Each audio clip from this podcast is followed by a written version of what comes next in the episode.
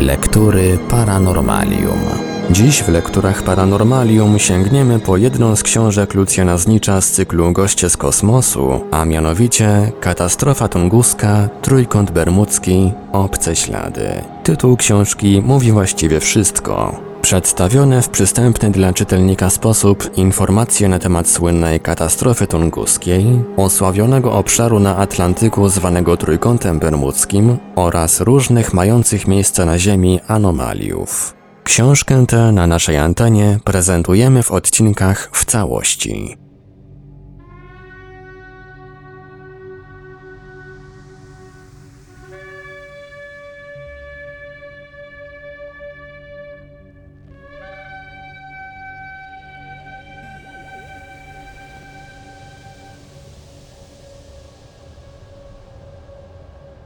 Pułapki na dnie morza.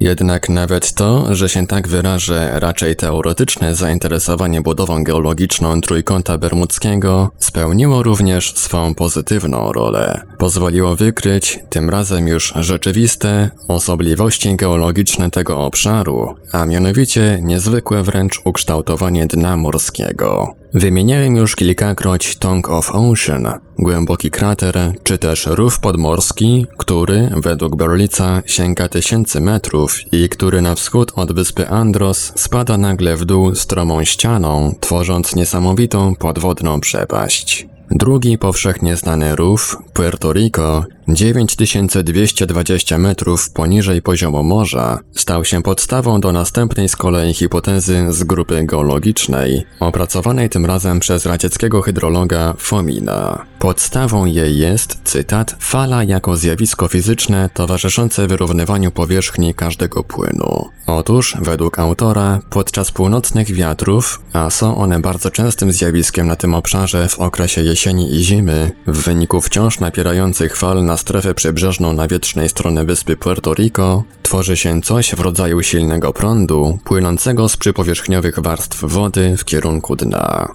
To właśnie ten swego rodzaju podwodny wodospad w ciągu setek tysięcy lat wypłukał głęboki rów Puerto Rico, a dziś przy odpowiednich warunkach meteorologicznych może osiągać tak wielką prędkość, że czasem tworzy na powierzchni oceanu gigantyczne wiry, zdolne pochłonąć bez śladu nawet średniej wielkości statki. Trzecią wreszcie osobliwością, kto wie, czy już ostatnią, dna morskiego w rejonie Trójkąta Bermudzkiego są wypłukane w wapiennych formacjach szelfu wysp Bahama, tak zwane głębokie groty. Miałem okazję oglądać taką lazurową grotę na Capri i do dziś jestem pod jej niezapomnianym urokiem. Ta gigantyczna jaskinia znajduje się pod wyspą i to na granicy poziomu morza, Także dotrzeć do niej można tylko od strony morza, wpływając łódką przez ledwie wystający nad powierzchnię morza najwyższy skrawek otworu. I właśnie dzięki temu, że nie tylko ludzie, ale także światło dzienne dostaje się do potężnej pieczary poprzez wodę morską, odpowiednio przez nią przefiltrowane, oświetla całą grotę niezwykłym, urokliwym, lazurowym blaskiem. Podobnemu efektowi zawdzięczają swą nazwę także błękitne groty na Bahamach, z tym, że są one znacznie bardziej rozbudowane i przeważnie znajdują się całkowicie pod wodą. Powstały zresztą najprawdopodobniej jako typowe zjawisko krasowe na powierzchni Ziemi i dopiero 12 do 15 tysięcy lat temu, gdy po zakończeniu epoki lodowej poziom oceanów odpowiednio się podniósł, znalazły się głęboko pod wodą. Pieczary te systemem jaskiń i korytarzy łączą się z jeziorkami znajdującymi się w głębi wysp Bahama. Pisze na ten temat Berlitz, Także woda w tych jeziorkach podnosi się i opada w takt przypływów i odpływów morskich, a raz nawet trafił do odległego o 30 km od brzegu jeziora Rekin, siejąc popłoch wśród kąpiących się. Nie są to wprawdzie ssące swą próżnią i prowadzące wprost w głąb ziemi groty Korchowa. Błękitne groty są niemal bez reszty wypełnione wodą i wychodzą z podmorza na powierzchnię wysp. Stosunku do gród próżniowych Korchowa mają wszakże jedną podstawową przewagę. Istnieją realnie, a powstające w nich podczas pływów prądy są na tyle gwałtowne, że również potrafią wessać pod wodę całe łodzie. Przekonał się o tym m.in. amerykański oceanograf Jay Torney, który podczas jednej z ekspedycji podwodnych odkrył w którejś z głębokich gród na głębokości 24 metrów całą łódź rybacką. Ba, czy wszakże jedna wessana pod wodę łódź rybacka potrafi dostatecznie udokumentować zaginięcie setek statków, jachtów i samolotów, które przepadły bez śladu często setki kilometrów od żarłocznych, błękitnych gród na Bahamach?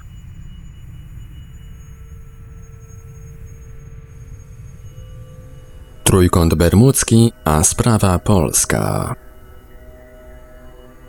Na szczęście dla twórców hipotez, nie dla żeglarzy, poza ukształtowaniem dna morskiego na losy pływających po oceanach statków może wywrzeć poważny wpływ także magnetyzm ziemski. Obok dosyć skomplikowanych namiarów na ciała niebieskie, właśnie magnetyzm ziemski jest podstawowym czynnikiem wykorzystywanym dla orientacji na bezmiarach oceanu wodnego i jeszcze bardziej niezmierzonego oceanu powietrznego. A tymczasem magnetyzm ten jest zjawiskiem bardzo złożonym, uzależnionym od wielu, często do dziś jeszcze nieznanych czynników i niezwykle kapryśnym. Nie ulega wątpliwości, że glob nasz jako całość stanowi jeden olbrzymi magnes z dwoma przeciwstawnymi biegunami, na północy i na południu. W poszukiwaniu przyczyn tego zjawiska wysuwa się najczęściej ruch obrotowy planety wokół swej osi.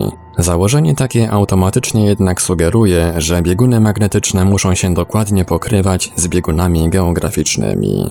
A tymczasem tak nie jest.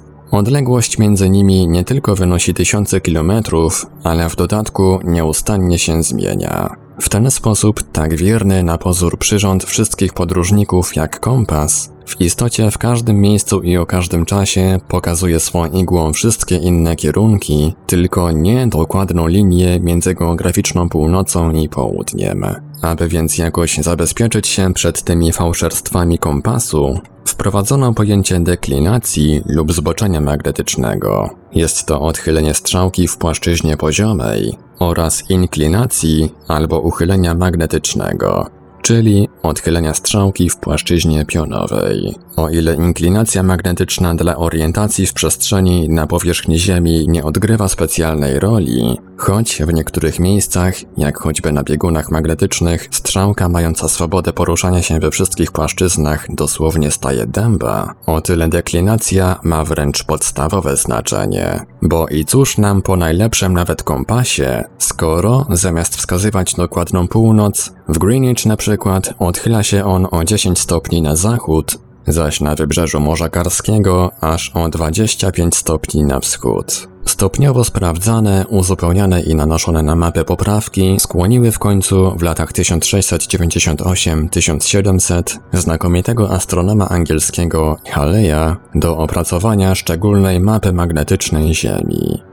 Tak jak za pomocą łączenia na mapie liniami miejscowości o tej samej wysokości uzyskuje się ukształtowanie pionowe terenu, tak poprzez połączenie miejscowości o tej samej deklinacji magnetycznej, czyli izogon, Halley uzyskał mapę zboczeń magnetycznych. I wówczas okazało się, że cały nasz glob dzieli się z grubsza na dwie podstawowe części. Na jednej z nich panuje w zasadzie odchylenie wschodnie, czyli dodatnie, na drugiej zaś zachodnie, czyli ujemne. I oto rzecz szczególna. Jedna z granic pomiędzy obu deklinacjami przebiega w drodze z północy na południe przez zachodnią część trójkąta bermudzkiego. Stwierdzenie to dało asumpt do wiązania katastrof tam zachodzących z magnetyzmem Ziemi. Ale asumpt to, powiedzmy od razu, bardzo słaby. Bo fakt, że przez trójkąt bermudzki przebiega tak zwana izogona zerowa, raczej ułatwia tam nawigację niż ją utrudnia. Nawet bowiem gdyby jakiś niedoświadczony żeglarz czy pilot zapomniał o wprowadzeniu deklinacji przy odczycie kompasu,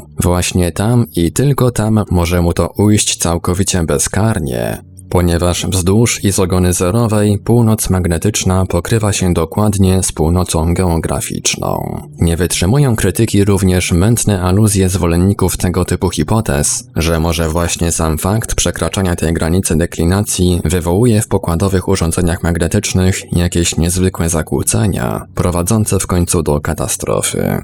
Gdyby tak miało być, my właśnie, Polacy, mielibyśmy na ten temat najwięcej informacji, bowiem druga izogona zerowa naszego globu od dziesiątków lat przecina z północy na południe całą Polskę. Nie bez kozery napisałem od dziesiątków lat, gdyż cała ta skomplikowana mozaika deklinacji magnetycznych zwolna przesuwa się po powierzchni Ziemi. W Polsce na przykład na zachód z prędkością około 20 km rocznie, przy czym te tak zwane zmiany wiekowe są tak olbrzymie, że w Londynie w roku 1580 kompasy odchylały się o 11 stopni na wschód, w roku 1657 przechodziła przez to miasto izogona zerowa, a w roku 1818 odchylenie już wynosiło 24 stopnie na wschód.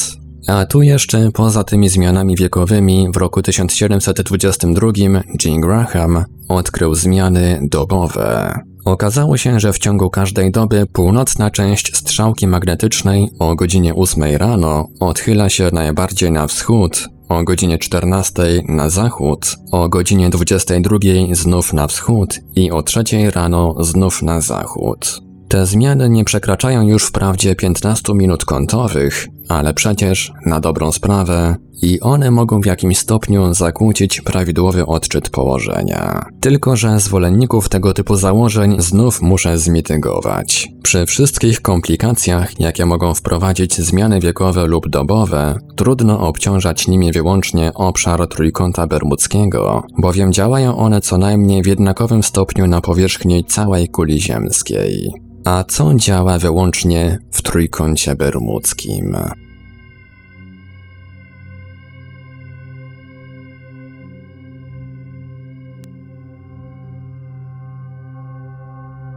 Burze na słońcu i pod ziemią. Zwolennicy tego typu hipotez znaleźli jeszcze jedną furtkę. Nie wszystkie przecież zjawiska magnetyzmu ziemskiego muszą obejmować cały glob. Niektóre z nich, tak zwane anomalie magnetyczne, ograniczone są do niewielkiej przestrzeni, inne znów, burze magnetyczne, rozwijają się tylko w krótkim okresie czasu. Kto potrafi udowodnić, że właśnie któreś z tych zjawisk nie ma wpływu na szczególne nasilenie katastrof w trójkącie bermudzkim? Istotnie, potężne anomalie magnetyczne mogłyby być, na dobrą sprawę, przyczyną katastrof morskich. Na obszarze takiej anomalii kompas właściwie staje się całkowicie nieużyteczny. Znajdujące się pod powierzchnią anomalii pokłady rudy wielekroć silniej działają na niego strzałkę, aniżeli stosunkowo słabe pole magnetyczne Ziemi. Najsłynniejsze anomalie magnetyczne pod Kurskiem w ZSRR, pod Kiruną w Szwecji czy w rejonie Wielkich Jezior w USA zmieniają wskazania kompasu nawet o 180 stopni. Północna jego strzałka wskazuje wówczas akurat południe. Tłumaczyłoby to w pewnym sensie szereg tajemniczych wypadków, w których żeglarze lub piloci skarżyli się w swych ostatnich słowach, że stracili całkowicie orientację. Rzecz jednak w tym, że nigdzie w pobliżu Trójkąta Bermudzkiego anomalii takiej nie wykryto. Znane anomalie amerykańskie w stanie Minnesota, nad Wielkimi Jeziorami czy w stanie Nowy Meksyk znajdują się tysiące kilometrów od feralnego Trójkąta, zaś przeprowadzone swego czasu przez lotnictwo marynarki USA USA, tak Project Magnet, program badania magnetyzmu wzdłuż całego wybrzeża USA, nie ujawnił żadnych niezwykłych objawów na tym terytorium. Ponadto należy wyraźnie podkreślić, że gdyby nawet istniała tam jeszcze jakaś niewykryta anomalia, nie jest ona zdolna, jak to niektórzy zwolennicy tego typu hipotez usiłują sugerować, do wywierania na organizm człowieka jakiegoś tajemniczego wpływu. Nie proszę, by wierzono mi na słowo. Każdy z czytelników może się sam przekonać na sobie o braku takich wpływów na terytoriach anomalii polskich na Podlasiu, Dolnym Śląsku czy Mazurach, lub też na ograniczonej, ale niezmiernie silnej, odchylenia strzałki magnetycznej dochodzą tam do 108 stopni, anomalii na górze grochowej koło Ząbkowic Śląskich. No więc może burze magnetyczne. Istotnie, także ich potencjalnego wpływu na katastrofy lotnicze czy morskie lekceważyć nie można. Rozwijają się one zupełnie niezależnie od warunków meteorologicznych, bardzo często przy słonecznej ciszy, a pamiętajmy, że według Adi Thomas Jeffrey, większość katastrof w Trójkącie Bermudzkim zdarzyła się właśnie przy takiej pogodzie. Zmieniają permanentnie wskazania kompasów o wiele stopni i w dodatku poważnie zakłócają, a czasem wręcz uniemożliwiają komunikację radiową. Wreszcie geneza burz magnetycznych prowadzi aż do zaburzeń na Słońcu, które zdarzają się nieregularnie i równie nieoczekiwanie pojawiają się jak znikają. Jakże to idealnie pasowałoby do modelowych wręcz katastrof w Trójkącie Bermudzkim. Pasowałoby, gdyby właśnie nie sięgająca słońca geneza burz magnetycznych. Bowiem z tego powodu burze takie nigdy nie dochodzą do Ziemi niespostrzeżone, a gdy już do niej dotrą, obejmują zawsze gigantyczne obszary naszego globu. A więc i to odpada. Ale przecież jakieś osobliwości magnetyczne w rejonie Trójkąta Bermudzkiego niewątpliwie istnieją. Zbyt wiele mamy zeznań świadków na ten temat, by móc w to wątpić. I to nawet takich, którzy nic o Trójkącie Bermudzkim nie słyszeli. Od chociażby Krzysztof Kolumb. Admirał płynął niezmiennie na zachód i przebył w ciągu dnia i nocy ponad 50 lig. Czytamy w jego dzienniku pod datą 17 września 1492 roku. Zapisano jednak zaledwie 47 lig. Pomagał prąd. Widziano często trawę i było jej bardzo dużo. Była to ta trawa, która rośnie na skałach i płynęła ona z zachodu.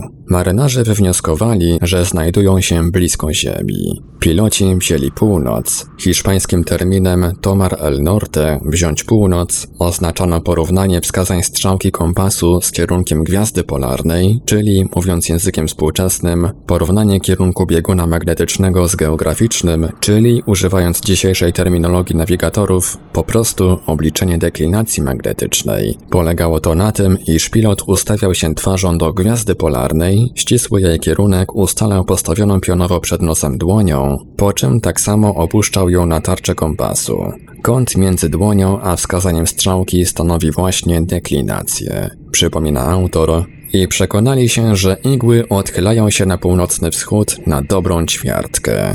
Marynarzy ogarnął strach i żal i nie można było znaleźć przyczyny. Gdy admirał dowiedział się o tym wszystkim, polecił nad ranem ponownie wziąć północ. Okazało się, że strzałki pokazują prawidłowo.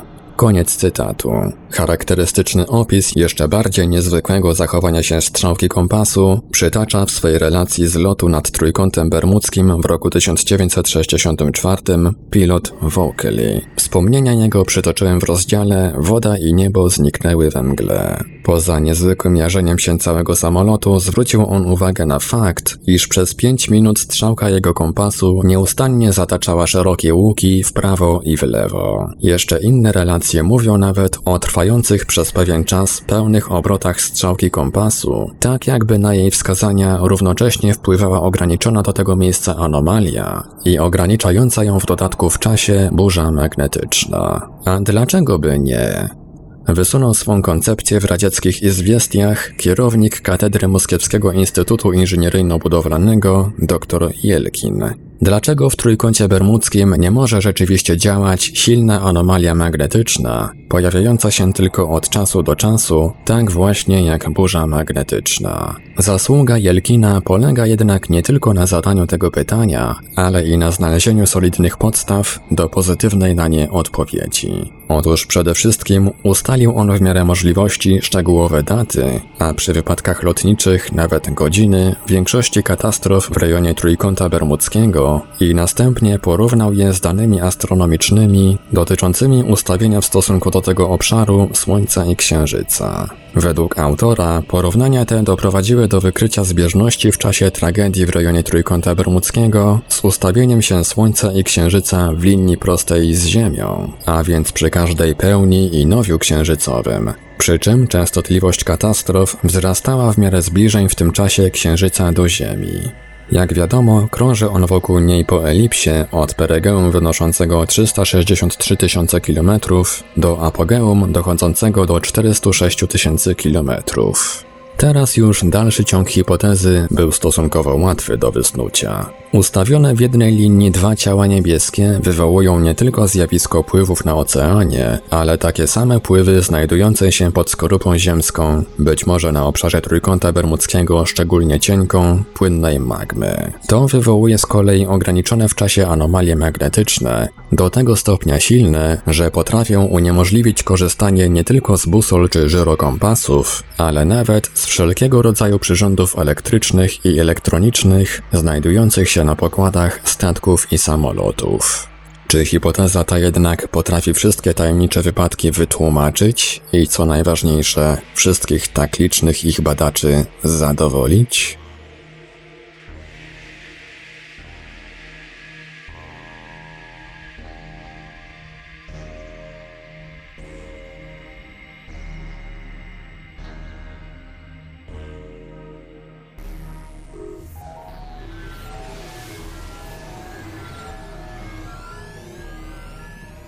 Radiu Paranormalium zaprezentowaliśmy fragment książki Lucjana Znicza Katastrofa Tunguska, Trójkąt Bermudzki, Obce Ślady. Dalszy ciąg w kolejnym odcinku Lektur Paranormalium. Archiwalne odcinki Lektur Paranormalium znajdziesz do pobrania w archiwum naszego radia na stronie www.paranormalium.pl